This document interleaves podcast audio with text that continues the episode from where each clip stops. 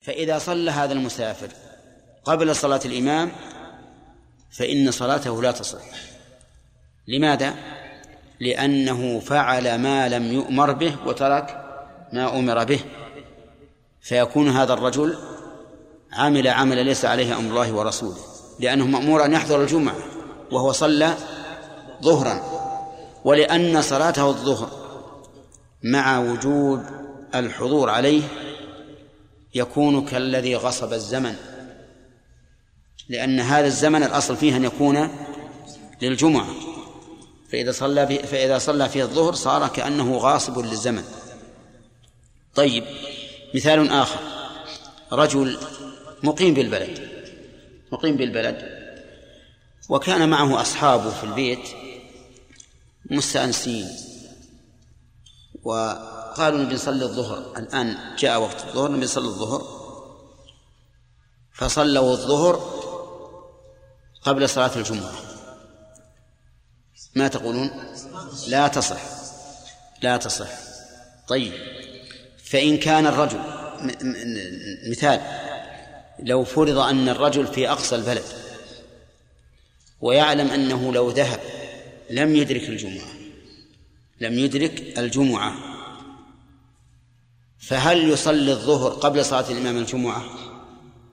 لا. لا. لعموم قوله من صلى الظهر قبل صلاة الإمام. يعني حتى في الحال التي يعلم أنه لو سعى لم يدرك الجمعة فإنه ينتظر حتى يفرغ الإمام من الجمعة. يعني كيف يفرغه؟ ما لا, لا يسمعه. نقول يقدر طيب. وقول المؤلف ممن عليه حضور الجمعة. لو صلى إنسان لا تلزمه الجمعة لا يلزمه الحضور. كمريض. مريض لا ليس لا, لا تجب عليه الجمعة. صلى قبل صلاة الإمام الظهر. ما الحكم؟ تصح. لأنه لا تلزمه الجمعة. ولو صلت امرأة الظهر قبل صلاة الإمام الجمعة صحت؟ ليش؟ لأن الجمعة لا تلزمها خلاصة الكلام الآن من صلى الظهر قبل صلاة الإمام وهو ممن تجب عليه يجب عليه الحضور لم تصل. التعليل لأنه عمل عملا ليس عليه أمر الله ورسوله فيكون مردودا. فإن الذي عليه أمر الله ورسوله في هذا الحال أن يذهب إلى الجمعة. من صلى الظهر قبل صلاة الإمام الجمعة ممن لا يجب عليه الحضور. فصلاته صحيحة لأنه لم يخالف أمر الله ورسوله.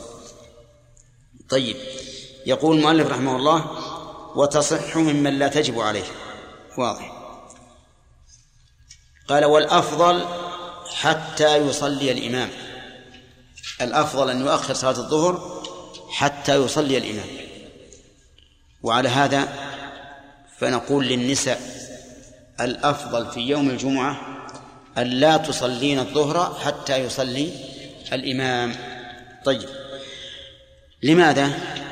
قالوا لأنه ربما يزول عذره فيدرك صلاة الجمعة. وإذا كان هذا هو التعليل فإنه لا ينطبق على النساء.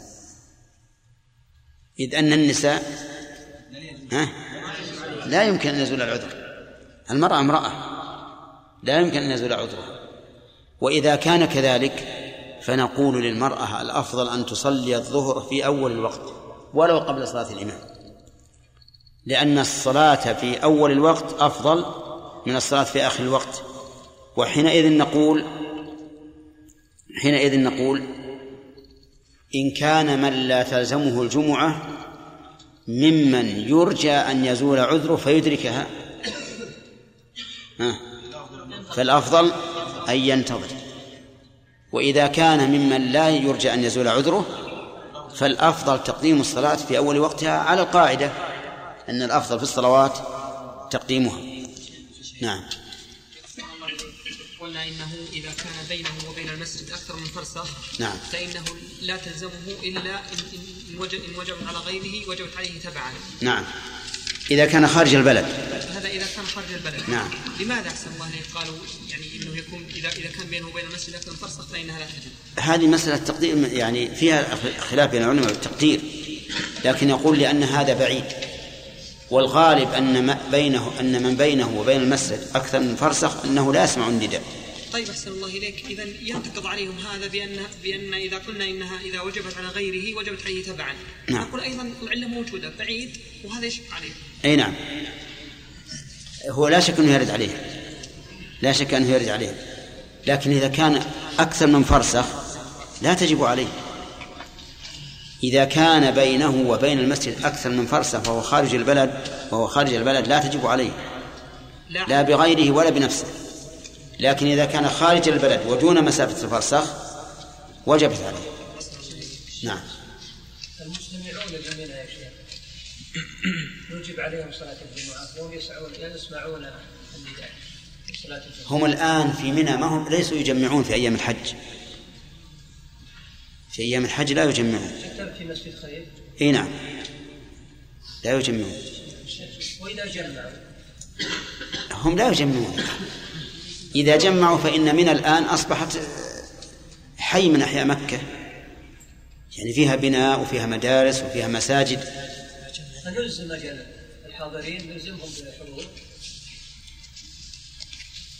على على على كلام الفقهاء نلزمهم بالحضور لأن تلزمهم بغيره لكن الحمد لله أنهم هم يقيمونه هذه تحل الإشكال نعم الله في صلاة الخوف مر علينا مسألة ما ذكرناها وهي صلاة المغرب وكذلك مسألة إذا كان أهل المدينة مدافعون كيف كيف يصلون رباعية صلاة الخوف؟ والمغرب كذلك. ما ما ذكرناها ما ذكرنا المغرب يصلي بالطائفة الأولى ركعتين. يصلي ركعتين ثم إذا جلس التشهد الأول تشهدوا ثم قاموا فأتوا بالرابعة. بالثالثة. بالثالثة ثم انصرفوا وجاء الآخرون فأتم بهم الصلاة. ها؟ هي الغالب أن أنها اللي وقع في عهد الرسول عليه الصلاة والسلام لم تكن رباعية لأنه في سفر فهي ثنائية. لكن لو فرض أنه جاء أنه دهمهم العدو في في الحضر القصر لا يمكن. يصلي بطائفة الركعتين ثم يكملون ثم ينصرفون إلى العدو وهكذا. نعم ذكرنا ذكرنا في دروس الماضية في صلاة النساء حج أربعة أشهر حج أربعة أربعة أيام. وقال قلنا هذه حق غير لأنه قبل الشمر المسافر وبعد الشمر غير إيه. نعم وكذلك قبل دقيقة آه، المسافر وبعد دقيقة فيه. إيه. وبعد رجحنا قولا آخر. وهل هذه بين المسجد أكثر من أي نعم. هذه مبنية على ذيك وما ذكرنا هنا القول الراجح. أي نعم نعم. نسي نسينا. شيخ نعم. هذه ينبغي أنها تقال. نعم. الشيخ يقول آه، من ومن سقط عنه بعذر وجبت عليه العذاب نعم. كيف سقطت عنه بعذر وجبت عليه يعني وجبت عليه إذا حضر. وجبت هذا معنى كلامه. إذا حضر في المسجد. إذا حضر يصلي المسجد يصلي الظهر؟ لا لا يصلي الجمعة. لكن الفائدة أنه الفائدة لأجل أن يفرق بين العبد والمسافر والمرأة. العبد والمسافر والمرأة لو حضروا لم تجب عليهم لو شاءوا انصرفوا. ولا تنعقد بهم ولا يصح أن يكون أن يكون أئمة فيها. وهذا الذي سقطت عنه لعذر إذا حضر وجبت عليه ولم يمكن أن ينصرف.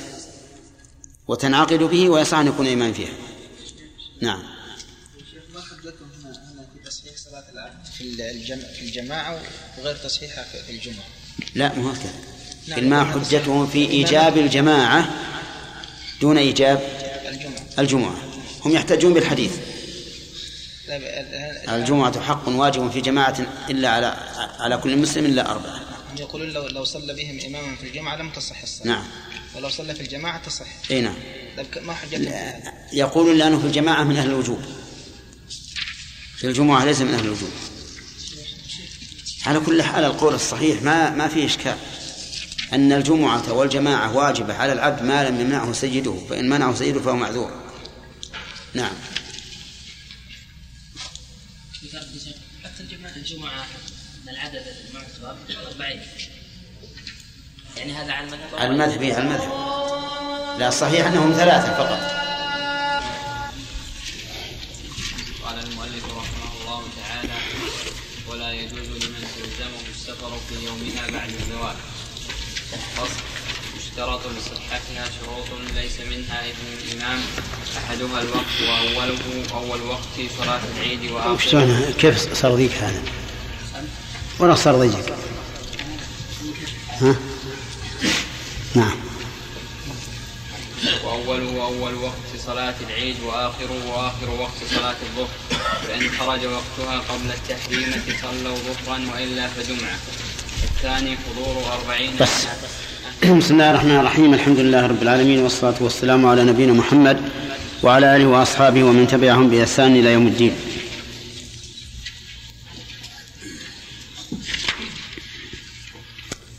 إذا كان رجل خارج البلد يا فهد خارج البلد وبينه وبين المسجد أقل من فرسخ تجب عليه بنفسه أو بغيره؟ بنفسه.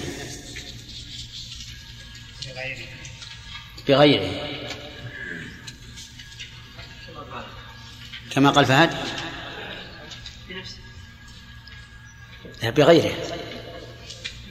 تجب عليه بغيره. اي أقل لأنه أكثر من فرسخ ما تلزمه لا بغيره ولا بنفسه. إذا كان هو خارج البلد لاحظ. إذا كان داخل البلد تجب عليه ولو بينه وبين المسجد فراسخ. هذا واحد. إذا كان خارج البلد وبينه وبين المسجد أقل من فرسخ لزمته بغيره. إذا كان خارج البلد وبينه وبين المسجد أكثر من فرسخ ها؟ لا تلزمه لا بنفسه ولا بغيره. واضح؟ طيب. آه، إذا قال قائل ما هو الدليل على التقدير بالفرسخ؟ لأن كل شيء مقدر يعني أي شيء يدعي إنسان أنه مقدر نقول له لا بد من دليل. وهذه قاعدة مفيدة لطالب العلم. أي قول يقوله قائله يقدره بشيء بزمن أو مكان أو عدد أو أي شيء فإنه يطالب بالدليل. إن أتى بدليل وإلا فقوله مردود عليه. مثل أقل الحيض يوم وليلة أكثره خمسة عشر. نقول للذي حدده بذلك هات الدليل. وإلا فلا فلا عبرة بقولك واضح؟ نعم. نقول هات الدليل وإلا فلا عبرة بقولك. كذلك هنا. ليس بينه وبين المسجد أكثر من فرسخ. نقول هات الدليل. يقول الدليل وأشرنا إليه من قبل ولعل أحدكم يعرفه. نعم. ما يخالف تعليل. التعليل قالوا لأنه إذا كان أكثر من فرسخ فإن المسافة تكون بعيدة وبالتالي يشق على المصلي. أما إذا كان أقل من فرسخ فإن هذا ما في مشقة يقول الغالب أن من كان بينه وبين المسجد أكثر من فرسخ الغالب إيش؟ أنه لا يسمع لا يسمع النداء. مع أن بعض العلماء قدره ليش دخلت؟ لا مع أن بعض العلماء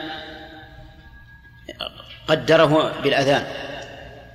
قال إن سمع الأذان وجب وإلا فلا. والذين قالوا بالفرسخ قالوا الأذان يختلف بحسب صوت المؤذن والرياح وارتفاع المؤذن وهدوء الأصوات فلا يمكن انضباطه. فقالوا الفرسخ منضبط. عرفتم؟ إذن ليس هناك دليل ولكنه تعليل الدليل الذي دلت عليه السنة هو سماع الأذان. لقول النبي صلى الله عليه وسلم هل تسمع النداء؟ قال نعم. قال فأجب. طيب ما رأيك هداية الله في البادية الذين يسكنون الخيام؟ هل تلزمهم الجمعة أو لا؟ لا ليس ببناء اسمه الواحد إيه، ليس ببناء. يعني لم يسكنوا ببناء اسمه واحد. طيب.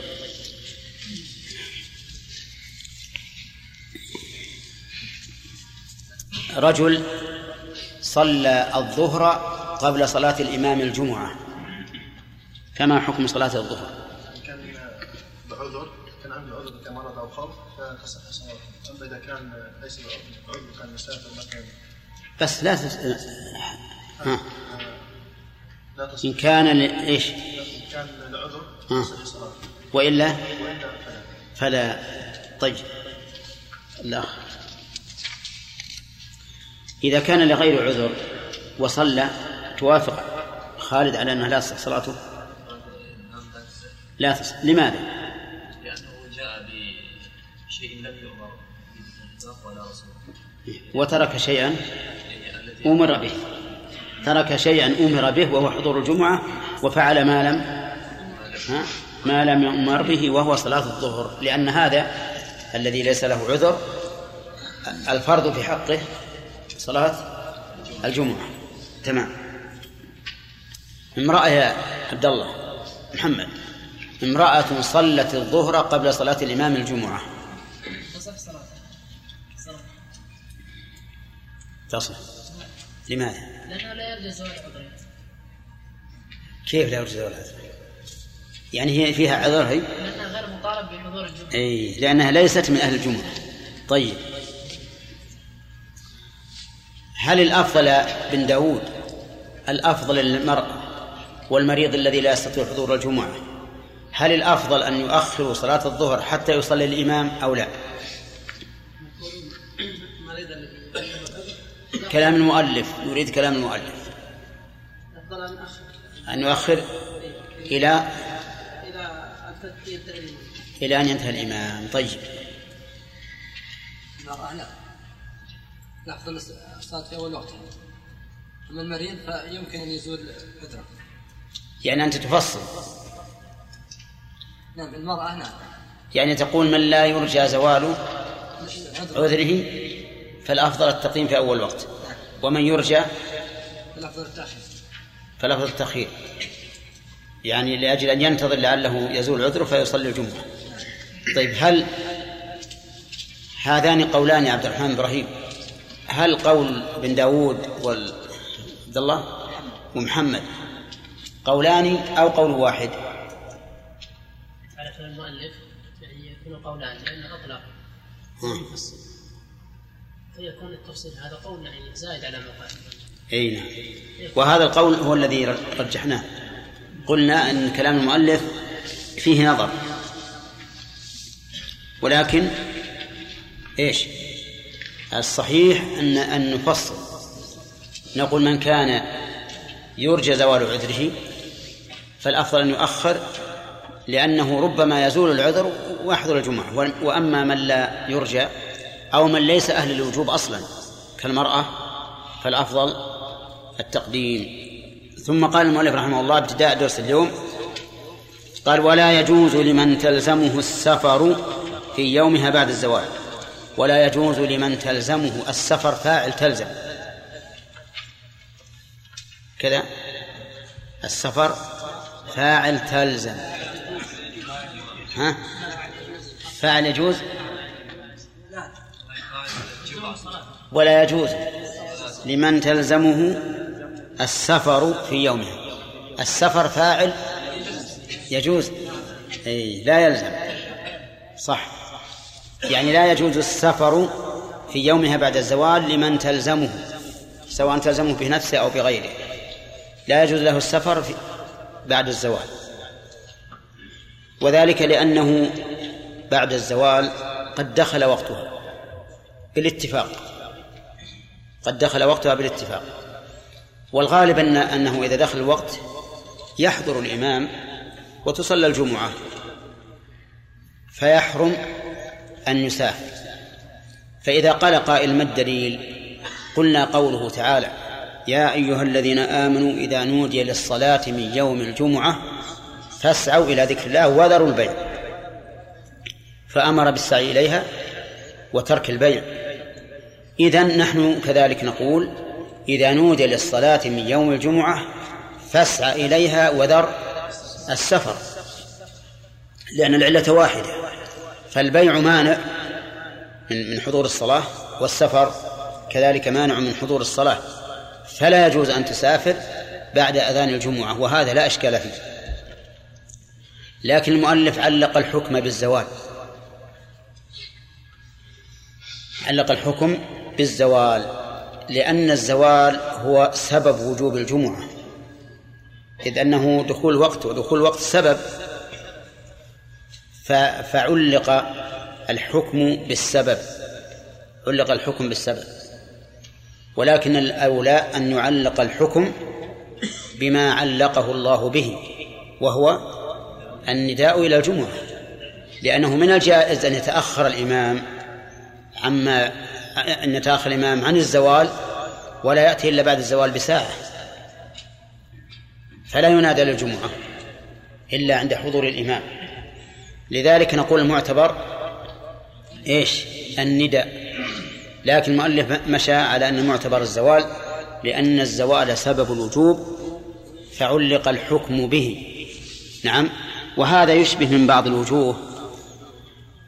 قولهم من باع نخلا بعد أن تشقق فثمرته للبائع. نقلناكم من البيوع الآن. من باع نخلا بعد أن تشقق فثمرتها للبائع مع أن النبي صلى الله عليه وسلم قال من باع نخلا بعد أن تؤبر تؤبر يعني تلقح يوضع فيها اللقاح فثمرتها للبائع. فعلقوا الحكم على التشقق قالوا لأن التشقق هو سبب التأبير فعلق الحكم به. فنقول لهم إن النبي صلى الله عليه وسلم علق الحكم بالتأبير فلا يمكن أن نلغي ما علق الشارع الحكم عليه ونعتبر شيئا آخر. كذلك هنا علق الحكم ها بالأذان. بالأذان. الله علق الحكم بالأذان. فإذا كان الله علق الحكم بالأذان فلا يمكن أن نتجاوز ذلك ونعلقه بالزواج. ولكن الغالب الغالب أن الإمام يحضر إذا زالت الشمس هذا الغالب. طيب وفهم من قول المؤلف بعد الزوال أن السفر قبل الزوال يوم الجمعة جائز وهو كذلك. السفر يوم الجمعة قبل الزوال جائز ولا بأس به وذلك لأنه لم يؤمر بالحضور. فلم يتعلق الطلب به فجاز له أن يسافر قبل الزوال. لكن بعض العلماء كره كرهه قال لئلا يفوت على نفسه فضل الجمعة. لأن فضل الجمعة الجمعة الجمعة كفارة لما بينهما ما اجتنبت الكبائر. فمن أجل أن لا يفوت فضل الجمعة كرهوا له أن يسافر قبل الزوال. يستثنى منها من المسألة التي ذكر المؤلف السفر في تحريم السفر يستثنى مسألتان. المسألة الأولى إذا خاف فوات الرفقة. إذا خاف فوات الرفقة. يعني أن له رفاقا يريدون أن يسافروا قبل صلاة الجمعة.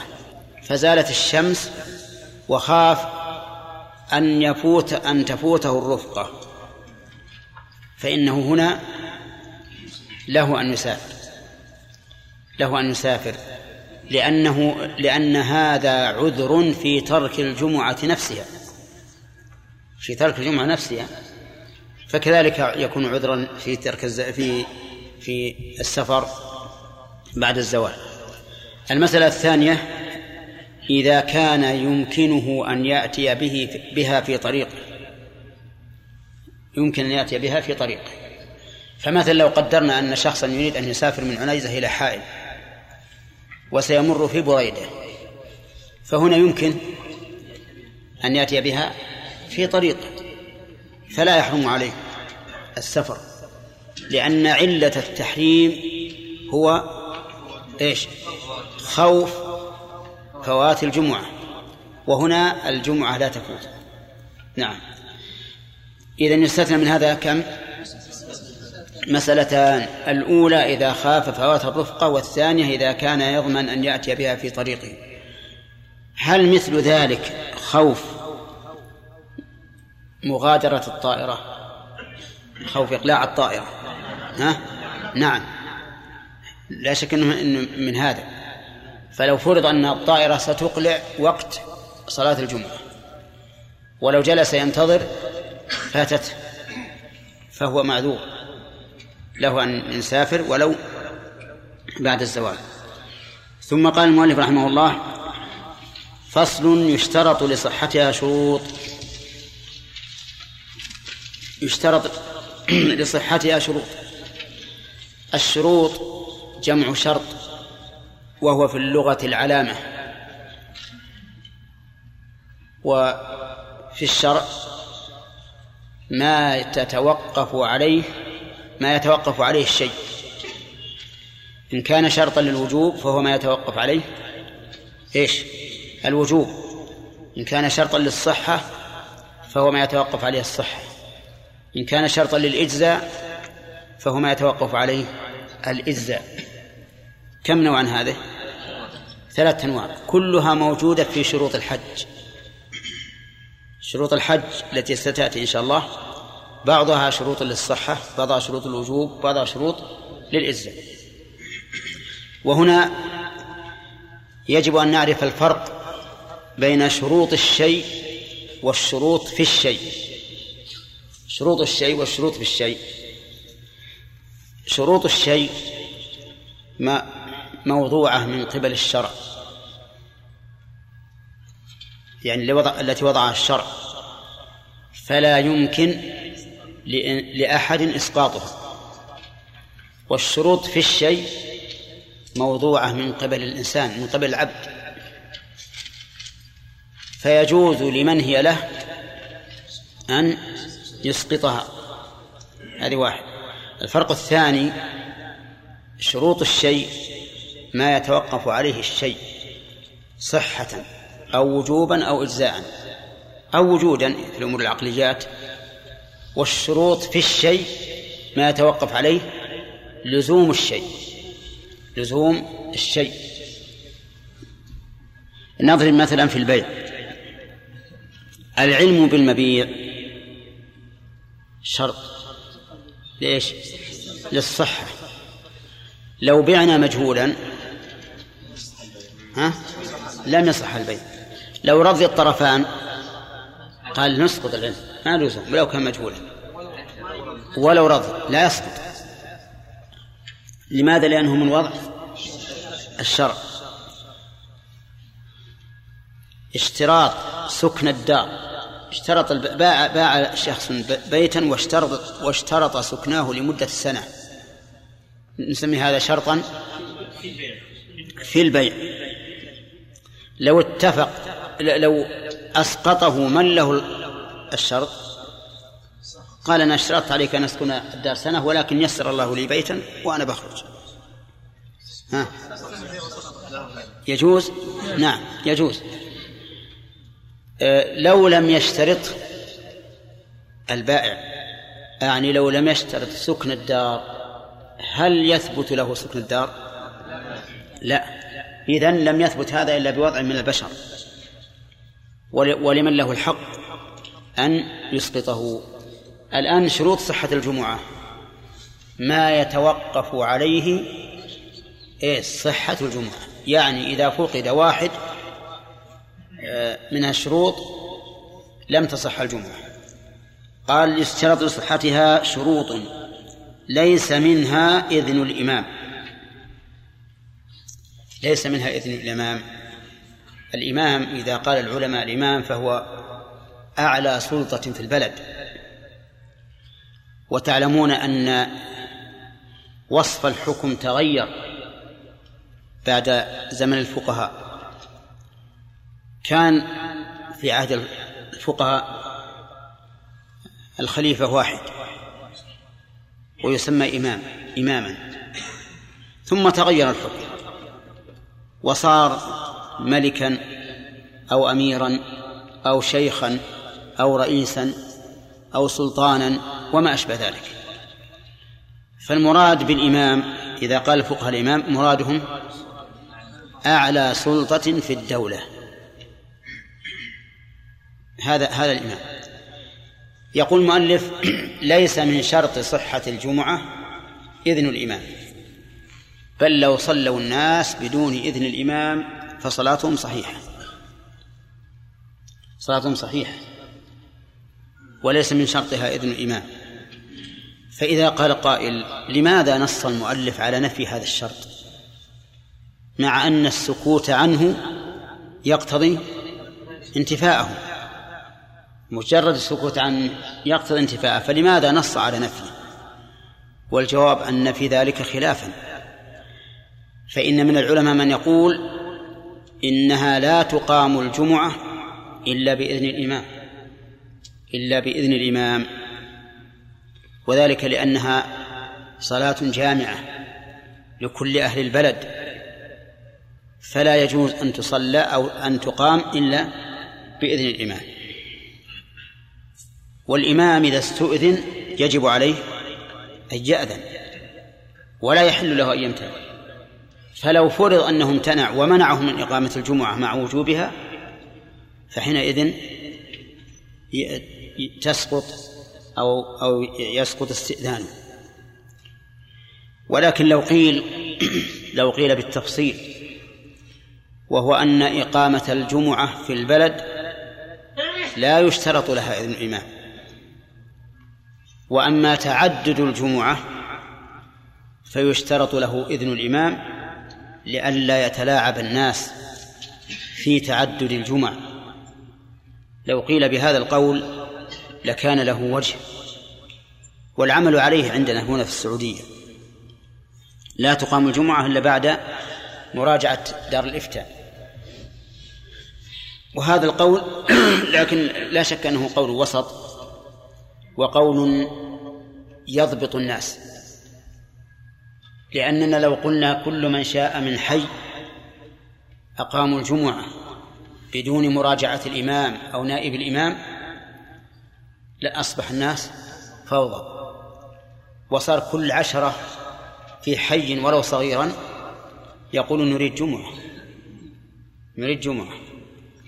فلذلك نقول الصحيح أن أصل إقامة الجمعة ها لا يشترط له إذن الإمام بل يجب على المسلمين إذا تمت الشروط فيهم أن يقيموا الجمعة سواء أذن الإمام أم لم يأذن.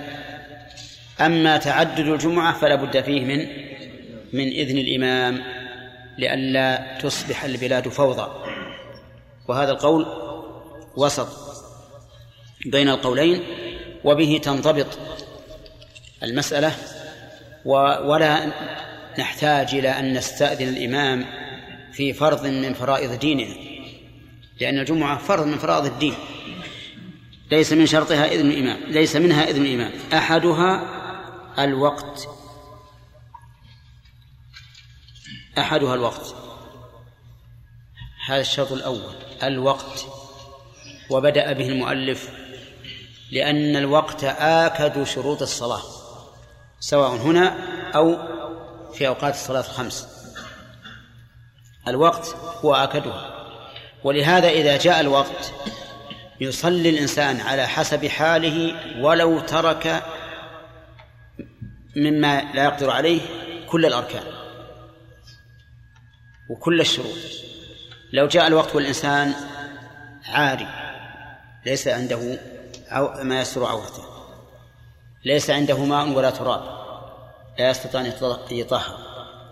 لا يستطيع القيام. لا يستطيع التوجه إلى القبلة. بدنه نجس. لا يستطيع غسله هل نقول انتظر حتى تتحقق الشروط هذه أو نقول صلي على حسب الحال؟ الثاني نقول صلي على حسب الحال. فالوقت هو أعظم الشروط مراعاة.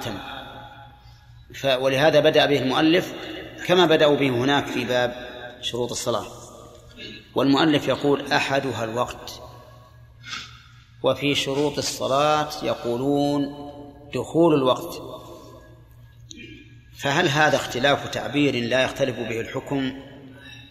أو اختلاف تعبير يختلف به الحكم؟ الثاني الثاني هذا اختلاف تعبير يختلف به الحكم. لأن الشرط في في شروط الصلاة السابق هو دخول الوقت فتصح الصلاة ولو بعد وقتها. أما هذه فشروطها الوقت فلا تصح الصلاة إلا في وقتها. لو خرج الوقت ولم يصلي ولو لعذر كالنسيان والنوم فإنه لا يصلي الجمعة بل يصلي ظهرا. إذن اختلاف التعبير لاختلاف الحكم. فما هو الشرط في في الوقت بالنسبة للجمعة؟ يشترط أن تكون في الوقت. الشرط في غيرها يشترط دخول الوقت وإن لم تكن في الوقت. طيب الصلاة قبل الوقت في الجمعة وغيرها؟ لا تصح. لأن في غير الجمعة نقول ما دخل الوقت. وفي الجمعة نقول ليست في الوقت. الصلاة بعد خروج الوقت في غير الجمعة صحيحة إما مطلقا وإما لعذر على القول الراجح. وصلاة الجمعة بعد الخ... بعد الوقت لا تصح مطلقا. إذن فالشرط الوقت. قال المؤلف وأوله أول وقت صلاة العيد. وآخره آخر وقت الظهر. نعم. ها؟ آخره آخر وقت صلاة الظهر. يقول أول الوقت أول وقت الجمعة. أول أول وقت صلاة العيد. وهذه إحالة على ملي أو على معدم ها؟ إن قلتم على ملي فقد نقول خطأ. إن قلتم على معدم فقد نقول خطأ. نعم؟ كيف ذلك؟ إن قلتم إنه إنه إحالة على ملي قلنا إن الملي من يملك الشيء.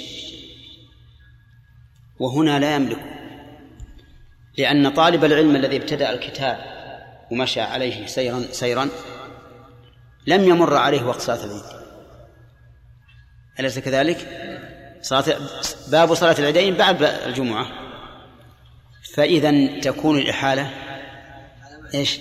على معدم على معدم صح؟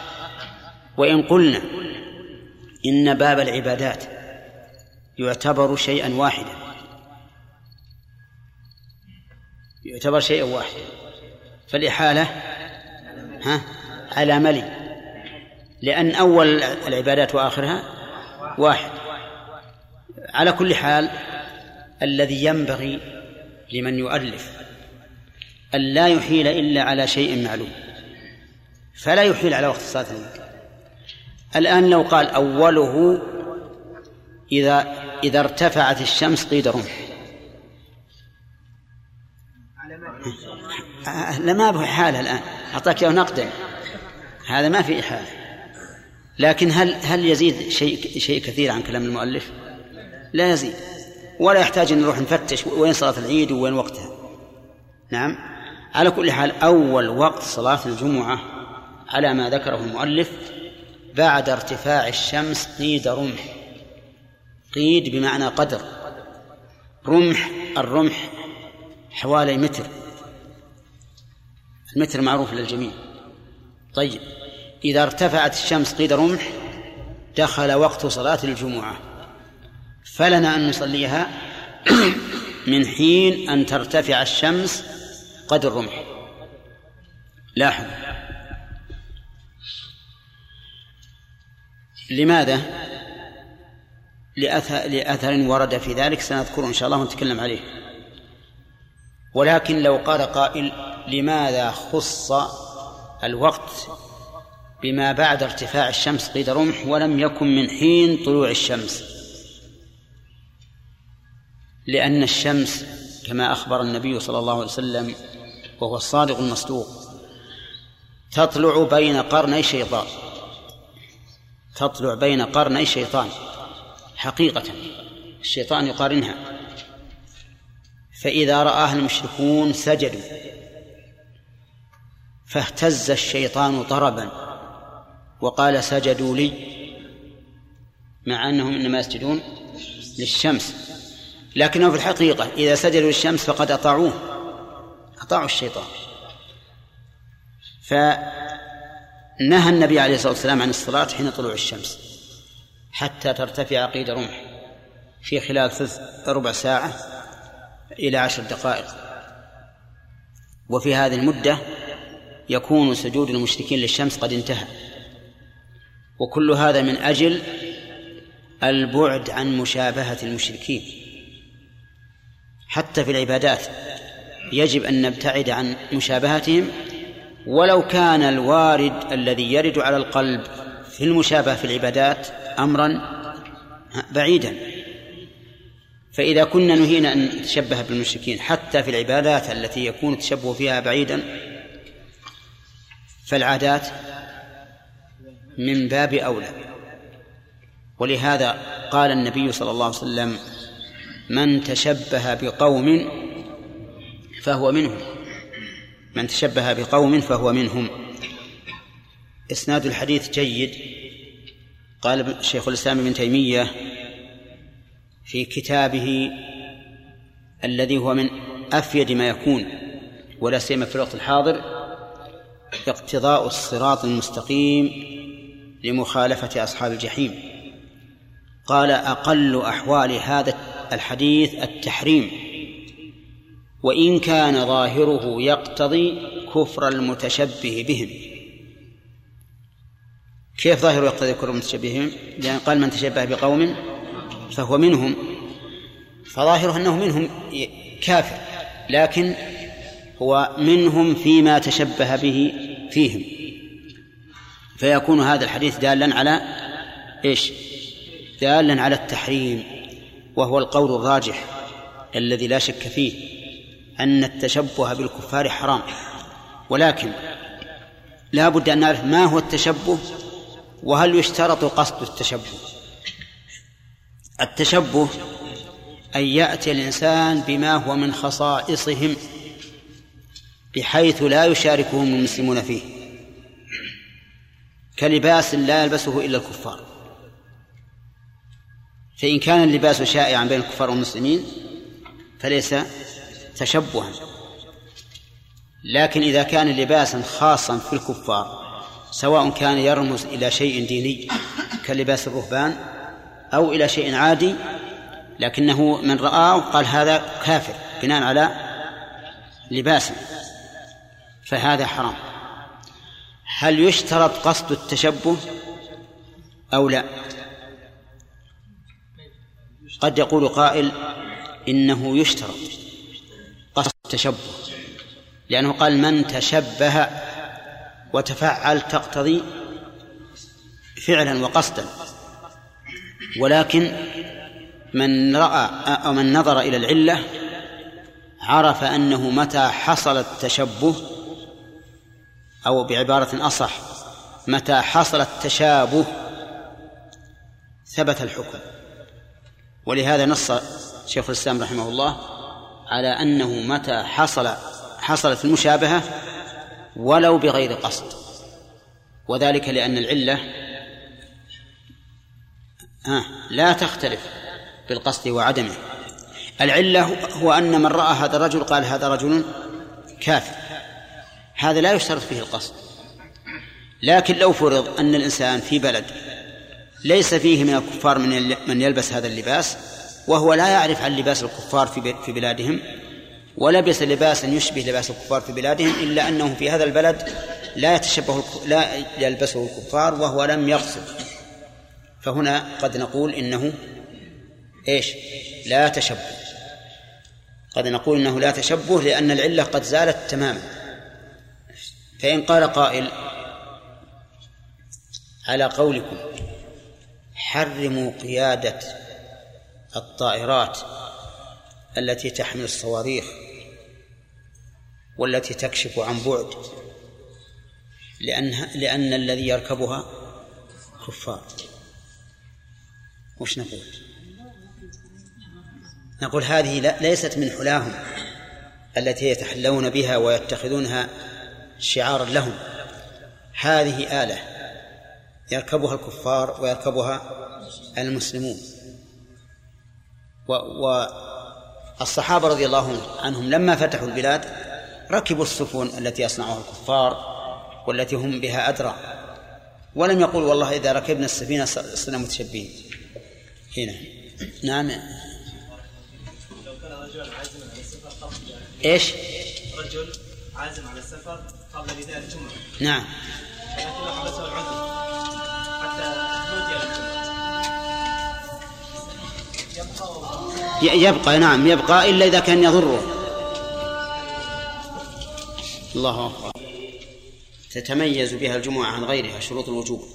خالد.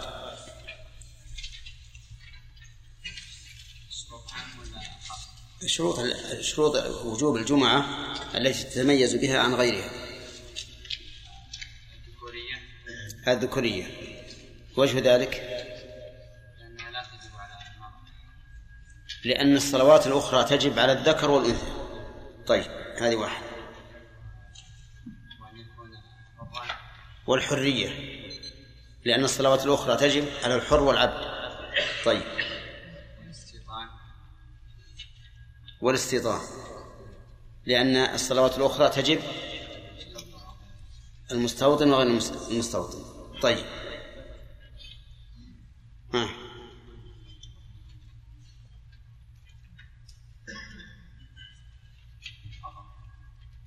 طيب الاستيطان في إيش؟ ببناء لا اسم واحد مو بشرط. ببناء ها؟ لا مستوطن. مو شرط. ليس بينه وبين المسجد. ليس بينه وبين المسجد أكثر من فرس هذه تختص بالجمعة. طيب الإسلام والتكليف هل هو شرط خاص أو مشترك؟ الإسلام والتكليف لأن الصلوات الخمس تجب على الكافر والمجنون والصغير إذن السؤال الآن هل التكليف شرط خاص بالجمعة أو عام في كل الصلوات؟ إيه. عبد الله عام والتكليف إيه صح؟ ما معنى قولنا إن إن الصلوات أو الجمعة مثلا واجبة على غير واجبة على الكافر؟ غير واجب لأن الكافر لا تجب عليه. اي ما معنى قولنا غير واجبه هل معناها أنها ساقطة عن مخفف عنه فيها ولا إيش؟ لا ليست ساقطة. فهو مأمور بها. مأمور بها لكن يعلم التكليف. يعني يؤمر بها في في حال كفره. لا ليس بحال كفر آه. لكن بعد أن يسلم. بعد المسلم يقول اقضي ما فات. لا لا يقبل آه. كيف أجل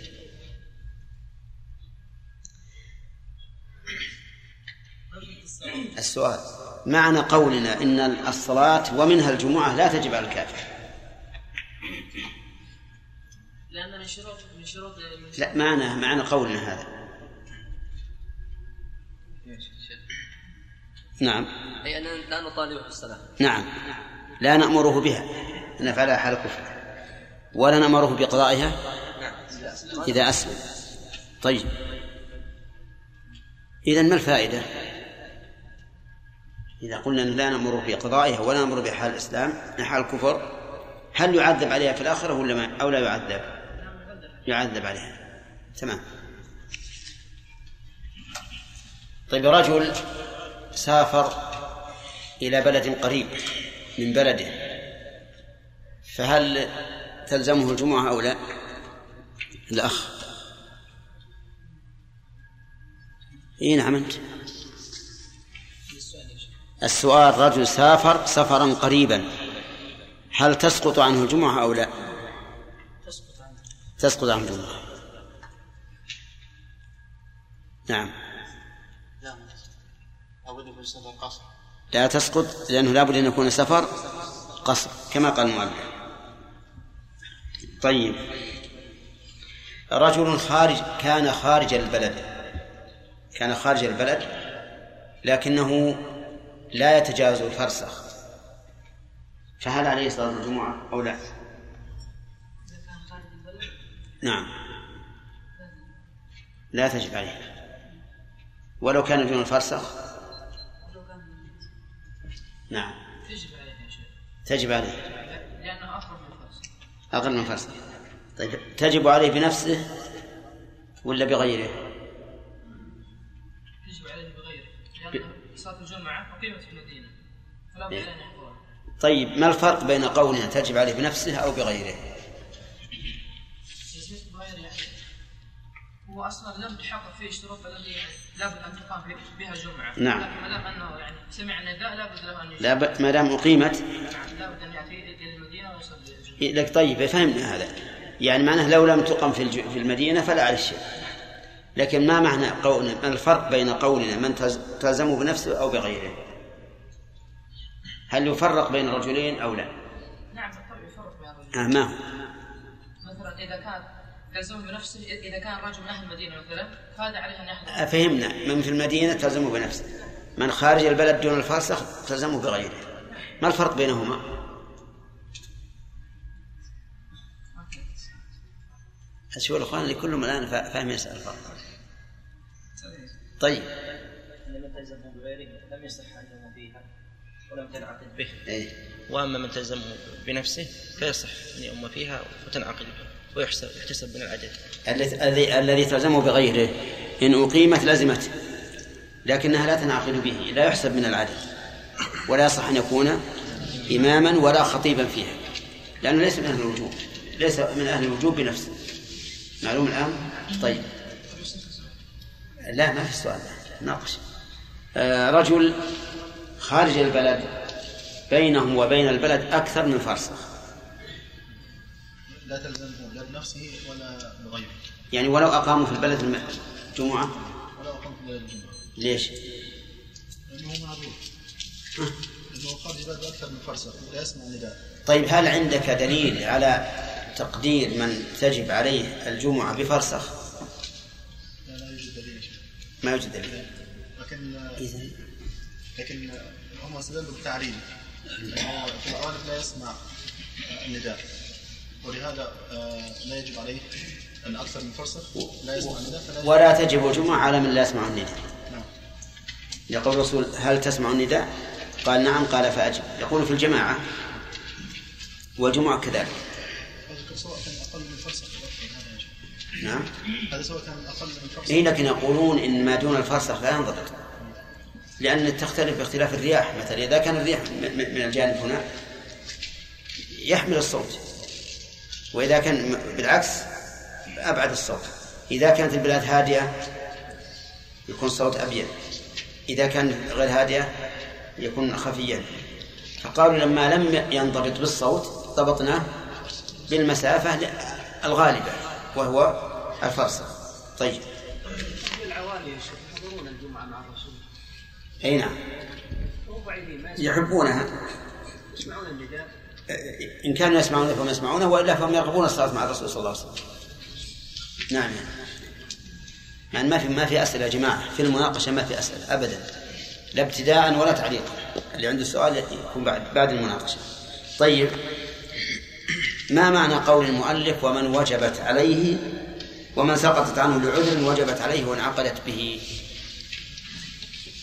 أي من سقطت عنه بعذر ممن تلزمه الجمعة فإذا حضرها تجب عليه. وانعقد به متناقض. مثل؟ مثل أن يكون رجل تلزمه الجمعة ثم مرض حضر الجمعة فهذا تلزمه الجمعة العدد أحسنت. تمام ولهذا قال من سقطت عنه لعذر. ما هو لعدم شرط الوجوب؟ لمانع فحضرها فإنها تجب عليه وتنعقد به ويحسب من الأربعين ويصح أن يكون إماما فيها. طيب. امرأة صلت الظهر يوم الجمعة قبل صلاة قبل صلاة الإمام. مؤذن. تصح؟ لأنها لا تلزمها. الجمعة لأنها لا تلزمها طيب لها ولد بالغ. نعم. معافى. صلى قبل صلاة الإمام. لا لا لا تصح. صلى الظهر قبل صلاة الإمام. لا تصح. ما الفرق؟ لماذا صحت؟ لأمه ولم تصح له؟ نعم. اللي هي أمه يعني. نعم. وهو هو مطالب. مطالب. طيب إذا صلى قال الحمد لله أنا أديت الفريضة. شيخ؟ إذا قال أنا أديت الفريضة. اي لكن الو- الشرط هنا أن يكون بعد صلاة الامام وبعد كذلك أنه يكون عنده علم نعم. تصح صلاته مع الإثم. تصح صلاته مع الإثم. نعم. ابن داود؟ صلى قبل الإمام لا تصح هو كلام فرضنا للمسألة صلى قبل الإمام. لم تصح منه. لأن؟ لأن فرض الوقت الجمعة. فصلى صلاة الظهر غير ما أمر به. يعني صلى صلاة غير مأمور بها وترك ما يؤمر به. ما أمر به. وقد قال النبي صلى الله عليه وسلم من عمل عملا ليس عليه أمرنا فهو رد. تمام؟ طيب أمه ليش صح صلاتها؟ لأن المرأة لا تجب عليها. يعني المأمورة المرأة مأمورة بالصلاة صلاة الظهر. يقول المؤلف إن الأفضل لمن لا تلزمه الجمعة أن لا يصلي إلا بعد الإمام. فما تعليل ذلك وما مدى صحته؟ يلا يا شيخ أنه قد يزول عنه العذر ف- فإذا زال عنه العذر وجب عليه الحضور فلا فلا يجوز. فالاحتياط أحسن يعني. طيب. وهل هذا التعليل قوي؟ نعم التعليل قوي الا إلا من كان عذره يعني في تفصيل. آه. من كان عذره سي- يعني باقي لا يزول فإنه نقول له كلام المؤلف صحيح. إذا كان عذره لا يزول نعم فكلام المؤلف صحيح. لا ليس بصحيح. ها آه، فإن ليس له أن يؤخر. أما من كان عذره لا يزول. كان عذره سيزول نقول له الأفضل أن أن تؤخر سيزول؟ ما ندري هو يزول ولا لا؟ ممكن يزول. يعني في. احتمال. يعني من كان في احتمال. أن عذره يزول فالأفضل أن يؤخر نعم. ومن لا؟ فلا. فلا. طيب. ما تقولون في هذا الكلام؟ صحيح. طيب. آه، رجل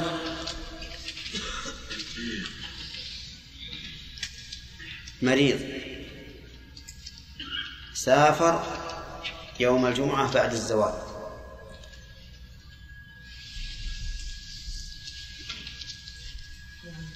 أحضر يجوز لها السفر يجوز نعم كيف يجوز؟ يقول الصلاة تبدأ ولا ما تروح الصلاة؟ إذا كان مريض نعم. بحيث يكون مرض يسقط عنه الوجوب أي نعم. فإنه يجوز لها السفر. إيه. نعم. إذا كان مرض يسقط عن الجمعة جاز له السفر. طيب خاف الرفقة. وهو مريض أو صحيح؟ لا مو مريض صحيح. نعم هذا خاف الرفقة. هل يجوز أن يسافر بعد الزوال أو لا؟ نعم يجوز. لماذا؟ هذا عذر. لأن هذا عذر في ترك الجماعة. تمام. المؤلف رحمه الله يقول إن من شروط صحة الجمعة الوقت. فهل هناك فرق بين أن نقول من شروطها الوقت وبين ما قالوه في باب شروط الصلاة؟ من شروطها دخول الوقت. نعم. الجمعة لا تصح إلا بوقتها في وقتها أو بعدها أو بعد وقتها للعذر. تمام. صحيح. إذا ما سواها نقول الشرط. دخول الوقت. أما هي فنقول الوقت. آه، متى يدخل وقت صلاة الجمعة؟ على ما مشى عليه المؤلف. متى وقت صلاة العيد؟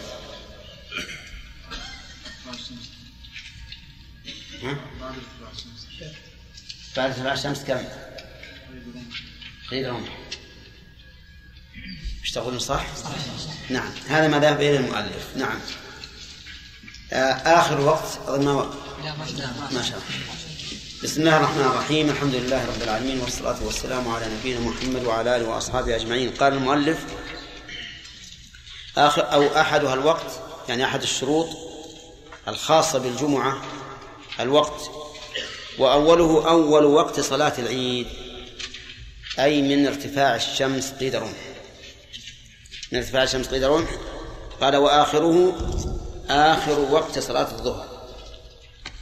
آخر وقت صلاة الظهر علامته إذا كان ظل الشيء كطوله. إذا كان ظل الشيء كطوله. بعد خصم ظل الزوال. إذا كان ظل الشيء كطوله بعد خصم ظل الزوال. وعلامة ذلك الشمس إذا طلعت يكون لكل شاخص أي لكل شيء قائم. ظل من جهة المغرب. ثم لا يزال هذا الظل يتناقص. شيئا فشيئا. كلما ارتفعت الشمس نقص. إلى أن يقف. إذا وقف وبدأ يزيد زيادة قليلة فهنا يكون الزوال اجعل علامة اجعل علامة على على المحل الذي بدأ يزيد منه. عرفت؟ ثم هو سوف يزداد. الظل سوف يزداد. إذا كان من العلامة التي زالت عليها الشمس إلى منتهى الظل طول الشاخص فهنا يخرج وقت الظهر ويدخل وقت العصر. وهذه علامة يعرفها كل إنسان. كل إنسان يمكن يضع يضع شيئا شاخصا في محل مستوي من الأرض ثم يرقبه. فما دام ظله ينقص فالشمس لم تزل وإذا بدأ يزداد أدنى زيادة فالشمس قد زالت ضع علامة. على إيش؟ على مبتدى الزيادة. ثم إذا صار من هذه العلامة إلى منتهى الظل طول هذا الشاخص فقد خرج وقت الظهر ودخل وقت العصر. طيب إذن يكون انتهاء وقت صلاة الجمعة إذا صار ظل الشيء كطوله. ها بعد؟ بعد فيء الزوال. نعم. طيب. تتساوى مع الظهر العادي في آخر الوقت وتختلف في أوله. طيب ما هو الدليل على صحة هذا؟ أولا الوقت. قبل كل شيء الوقت الدليل على أنها لا تصح إلا فيه الإجماع. فإنه قد نقل الإجماع إجماع العلماء إجماع قد نقل الإجماع إجماع العلماء على أن صلاة الجمعة لا تصح قبل الوقت ولا بعد الوقت واضح؟ طيب هذا الإجماع أول وقت صلاة العيد لكن ما هو الدليل؟ لا لأننا ذكرنا قاعدة مفيدة أن كل تحديد بمكان أو زمان فإنه لا بد له من دليل. لأن التحديد يحتاج إلى توقيف. فكل من حدد شيئا فلا بد من دليل. مثلا الذين حددوا الحيض بأن أقله يوم وليلة وأكثره خمسة عشر يوما نقول هاتوا الدليل. وإلا لا قبول. الذين حددوا مسافة القصر بيومين نقول هاتوا الدليل. الذين حددوا الإقامة التي تقطع حكم السفر بأربعة أيام نقول هاتوا الدليل.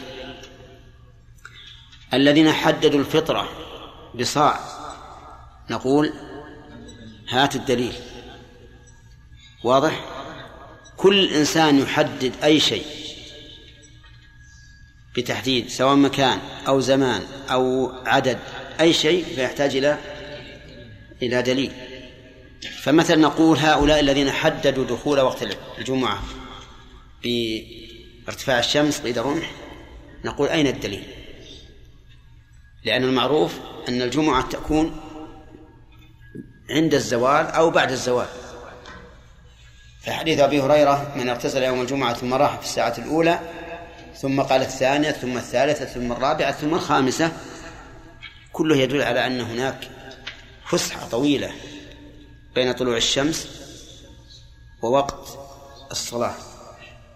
ذكر المؤلف أثرا عن عبد الله بن السيدان أنه شهد الجمعة مع أبي بكر وعمر وعثمان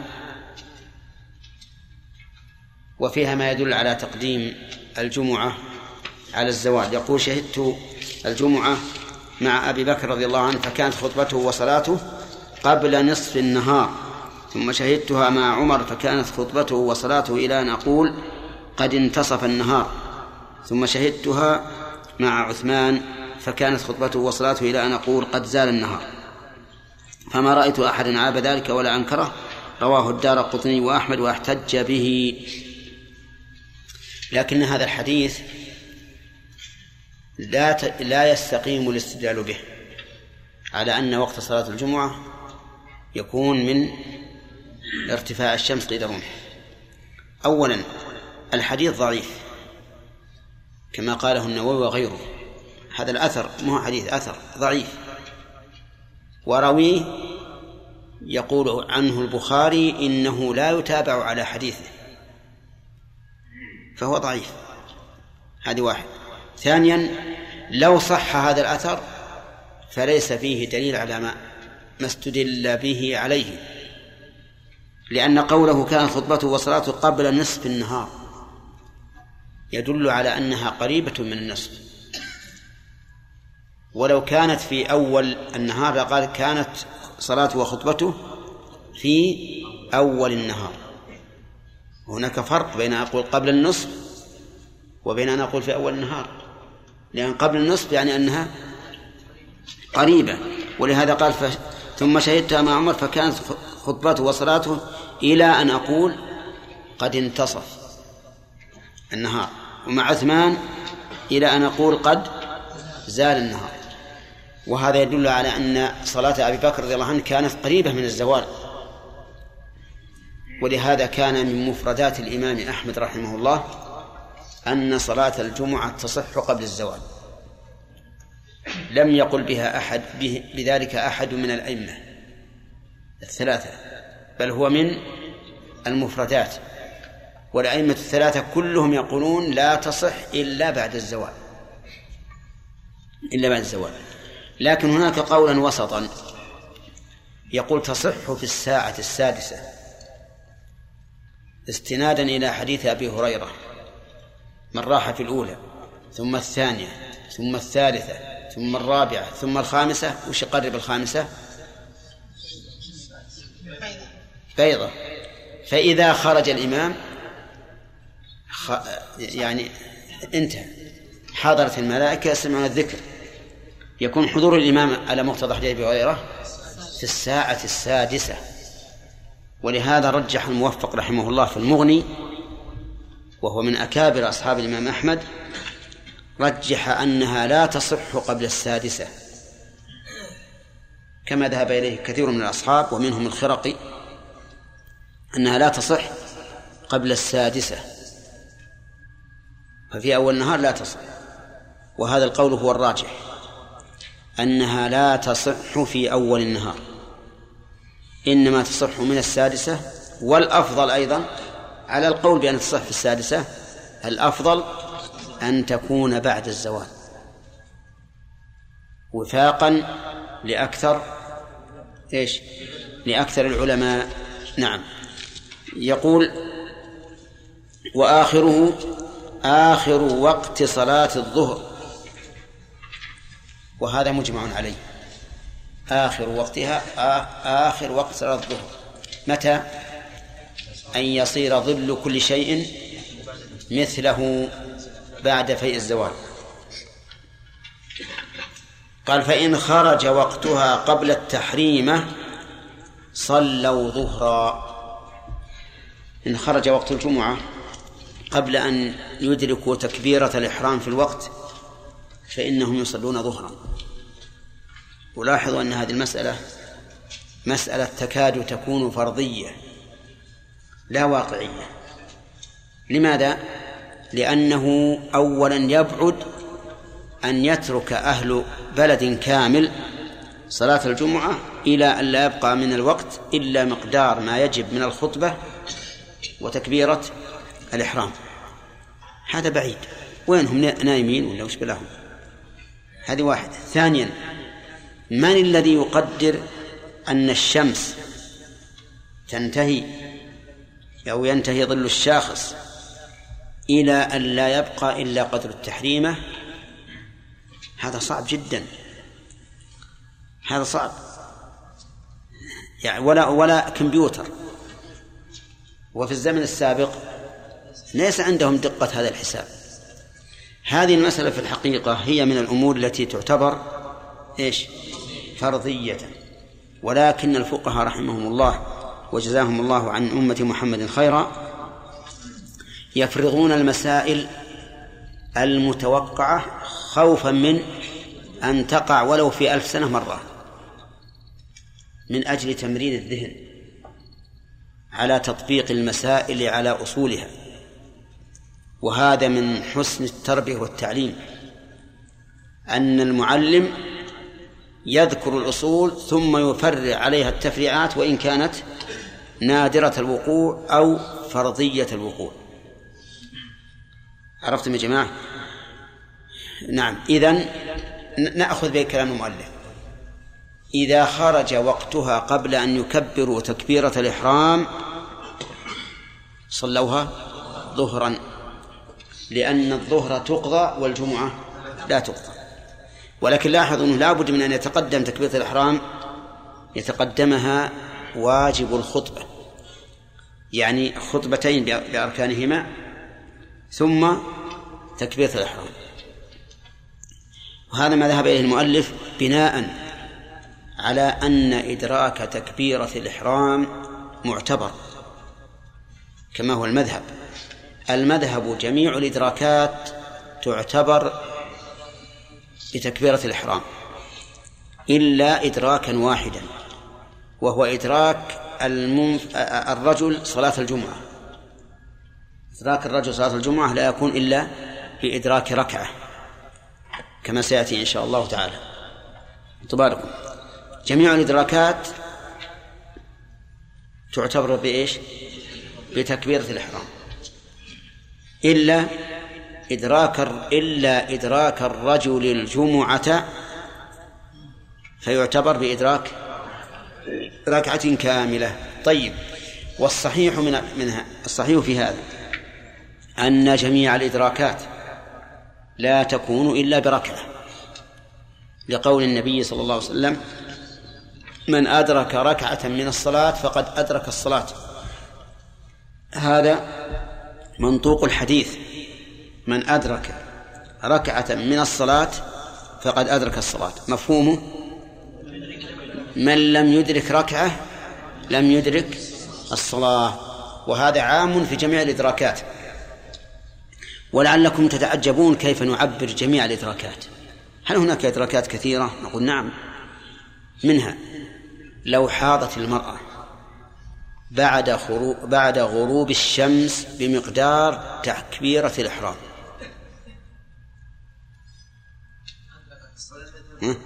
فعلى المذهب قد أدركت آه، المغرب. وعلى القول بأنه لا بد من ركعة لم تدرك. وينبني عليهما. هل إذا طهرت من الحيض تقضي هذه الصلاة أو لا تقضيها؟ على المذهب تقضيها.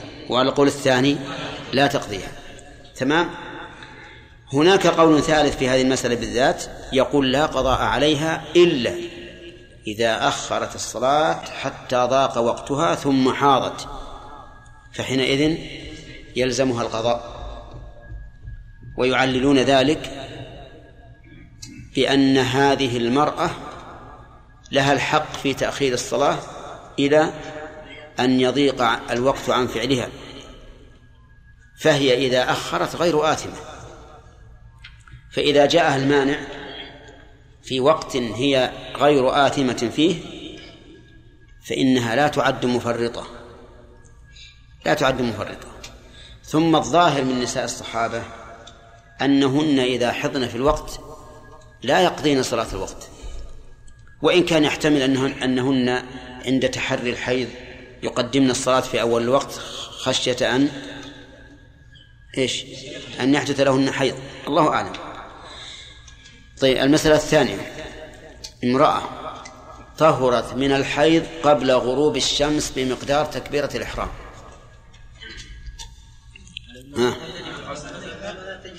على المذهب يلزمها صلاة العصر وكذلك الظهر أيضا. لأنها تجمع إليها وعلى القول الثاني لا تلزمها صلاة العصر ولا الظهر لأن الظهر تلزم تلزمها تبعا.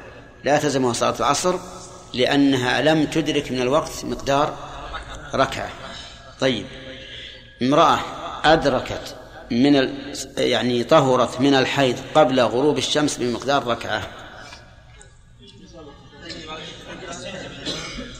لا بمقدار ركعة يا أخي. انتبهوا. بمقدار ركعة. على القولين يلزمها يلزمها على القولين. صح؟ أو تخالف؟ ها اطمأننت الآن؟ كأنك بالأول أشكل عليك. والآن؟ والصحيح أنه لا تلزمها صلاة العصر أيضا. الصحيح أنها لا تلزمها صلاة صلاة الظهر. صحيح أن صلاة الظهر لا تلزمها. نعم. الله. فصل. يشترط لصحتها شروط ليس منها إذن الإمام. أحدها الوقت وأوله أول وقت صلاة العيد وآخره آخر وقت وقت صلاة الظهر فإن خرج وقتها قبل التحريم. يعني.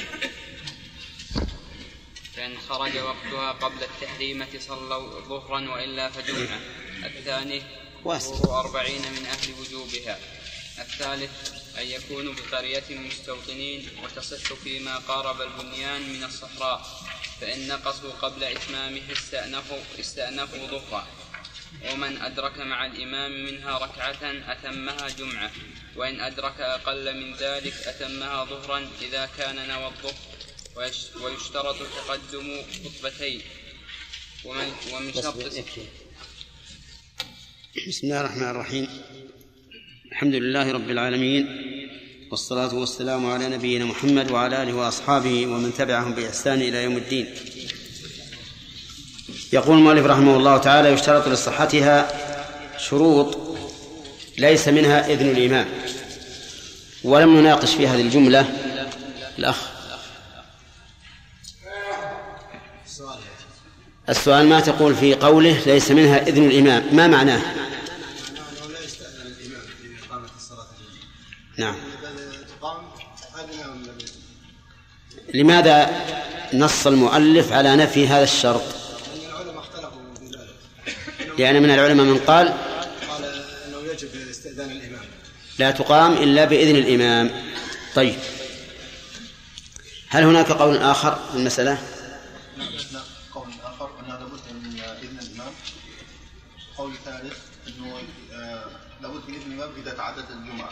أما إن لم تتعدد وكان هناك جمعة واحدة فلا يشترط إذن الإمام فيها يعني فصل الجمعة لا يشترط يعني تفصيل. يشترط إذن الإمام لإقامة جمعة زائدة على واحدة. نعم. كذا؟ يعني فيما زاد على الواحدة يشترط إذن الإمام. لئلا تكون المسألة فوضى. كل يقيم جمعة في مسجد ويقول نكتفي عن الذهاب. هذا القول هو الراجح. هذا الأخير هو الراجح. طيب. سبق لنا الخلاف في وقت الجمعة وأظن ناقشنا فيه. ما ناقشنا؟ طيب. ما هو المشهور من المذهب في أول وقت صلاة الجمعة؟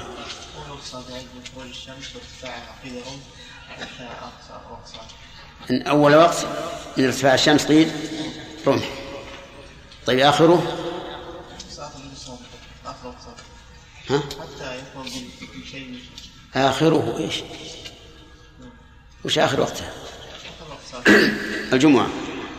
آخر وقت صلاة الظهر. آخر وقت صلاة الظهر. آخر وقت صلاة الظهر. طيب إذا توافق الظهر في الانتهاء ولا توافقه في الابتداء. تمام طيب. متى ينتهي وقت صلاة الظهر؟ نعم. إذا صار ظل كل شيء مثله ها؟ لا مثله. ها؟ لا لا لا. بس زائدا. بعد فيء الزوال. زائدا على فيء الزوال. زائدا على فيء الزوال. طيب اشرح هذا يا خالد. الشمس إذا خرجت مم. من المشرق آه، فعندما يكون هناك ناصب أو شاخص هذا الشاخص الشاخص يعني شيء منصوب. نعم يكون من جهة الغرب. يكون له ظل من جهة الغرب. كلما ارتفعت الشمس نقص هذا الظل. حتى لا يكون لهذا الشخص ظل لا. لا حتى ينتهي نقصه ثم يأخذ في الزيادة. بمجرد ما يأخذ بالزيادة تكون الشمس قد زالت. طيب. هل يمكن يكون هناك ظل؟ يعني يبقى ظل قبل الزوال ولا لا؟ نعم. إيه يبقى.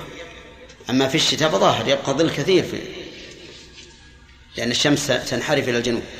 في الصيف يقل هذا الظل لكن المهم أنا قلت لكم في الدرس الماضي إنك تجعل إيش؟ آه، انتهينا من الشاخص لكن هذا الظل ينقص ينقص إلى أن ينتهي. مم.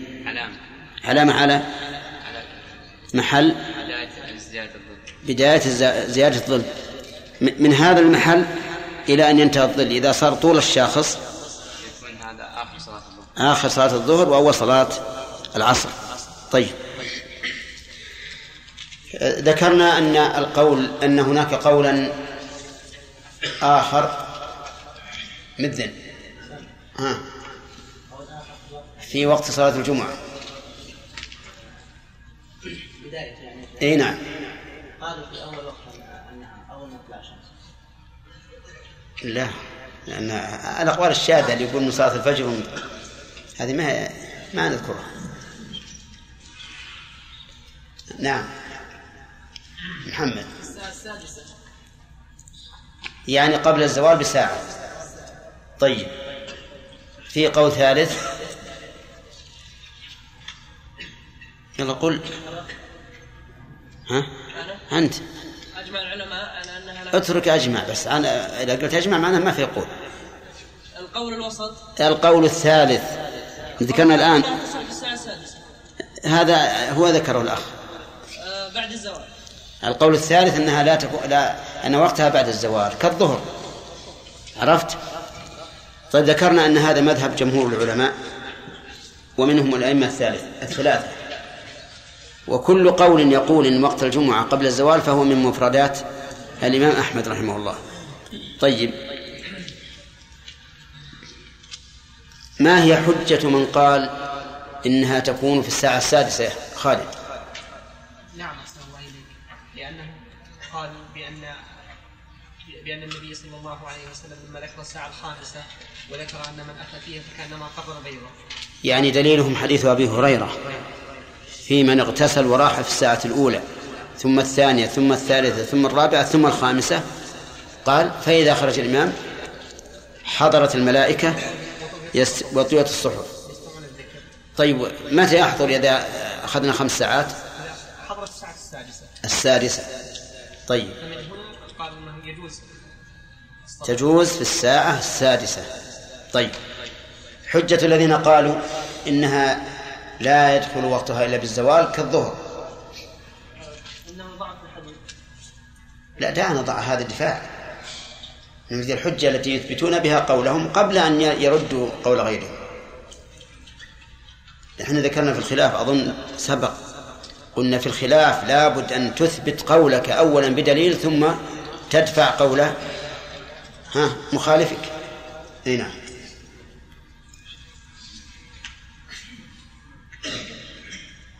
طيب.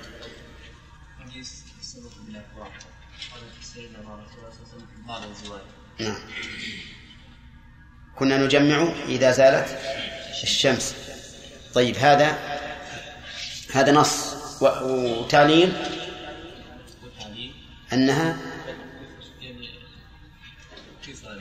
التعليل يعني علة. يعني لا يكون قبل الزوال. أنها كصلاة الظهر.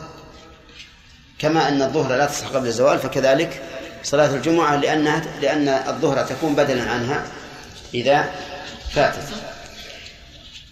طيب مع الاتفاق يا جماعة على مع الاتفاق على أن فعلها بعد الزوال أفضل.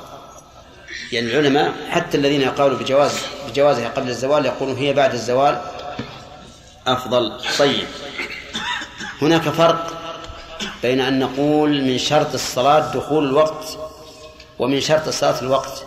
زكي؟ دخول الوقت فمعناه أنها تقبل هذه الصلاة. نعم. وأما إذا قيل الوقت فمعناه أنها إذا انتهى الوقت لا تصح لا يصح أن لا تقضى تمام. والجمعة كذلك. الجمعة إذا خرج وقتها لا لا تقضى طيب. قال المؤلف رحمه الله عز وجل وهو درس اليوم فإن خرج وقتها قبل التحريمة صلوا ظهرا وإلا فجمعة. إن خرج وقتها أي وقت الجمعة. قبل التحريمة أي قبل تكبيرة الإحرام فإنهم يصلونها ظهرا. لماذا؟ لأن الوقت قد فات. فإن الوقت لا يدرك إلا بتكبيرة الإحرام. فمن فاتته تكبيرة الإحرام فقد فاته الوقت. وهذا الذي مشى عليه المؤلف رحمه الله بناء على أن الإدراك يكون بتكبيرة الإحرام. والصحيح أن الإدراك لا يكون إلا بركعة لقول النبي صلى الله عليه وسلم من أدرك ركعة من الصلاة فقد أدرك الصلاة. وعلى هذا فنقول إن خرج وقتها قبل إدراك ركعة بدل قول المؤلف قبل التحريمة طيب فإنهم يصلونها ظهرا. طيب إذا قدر أنه بقي من الوقت مقدار الخطبة مقدار الواجب من الخطبة فماذا تصلى؟ ظهرا أو جمعة؟ ظهرا لأنه لا يمكن إقامة الجمعة الآن. إذ أن الجمعة لابد أن يتقدمها خطبتان فإذا لابد أن يبقى من وقت الجمعة مقدار الواجب من الخطبتين ومقدار تكبيرة الإحرام على قول المؤلف أو ركعة على القول الذي رجحناه. قال صلوا ظهرا وإلا فجمعة ولكن لو قال قائل هل يمكن أن يخرج وقت صلاة الجمعة في قرية على الناس جميعا؟ ها؟ هو على كل حال نادر. يمكن لكنه نادر. وصورة إمكانه إن قدرت أن يكون الجو ملبدا بالغيوم وليس عندهم ساعات ويستبطئوا و يعني يتعجلون الوقت فيظنون أن الوقت مبكر. ثم تنجل الغيوم وإذا هم قرب صلاة العصر. هذا ممكن. طيب. ثم قال المؤلف الثالث الثاني الثاني حضور أربعين من أهل وجوبها. حضور أربعين من أهل وجوبها. إلى أين؟ حضورهم الصلاة والخطبة. لابد أن يحضروا الصلاة والخطبة. ويقول مالك فإن حضر تسعة وثلاثون لم تصح الجمعة ولا بد أن يكونوا من أهل وجوبها. وسبق بيانهم من أهل وجوبها كل ذكر حر بالغ عاقل مسلم مستوطن. ليس بينه والمسجد أكثر من فرسة ستة شروط أو سبعة. إن, حط إن جعلنا مكلف شرطا واحدا فهي ستة وإن جعلناها شرطين فهي سبعة. لا بد أن يكون هؤلاء الأربعون متصفين بهذه الصفات. كلهم ذكور كلهم أحرار كلهم مسلمون كلهم مكلفون كلهم مستوطنون ببناء يعني بالقرية. كلهم ليس بينه وبين المسجد أكثر من فرسة لا بد من هذه الشروط. طيب فإن حضر. تسعة وثلاثون حرا وعبد.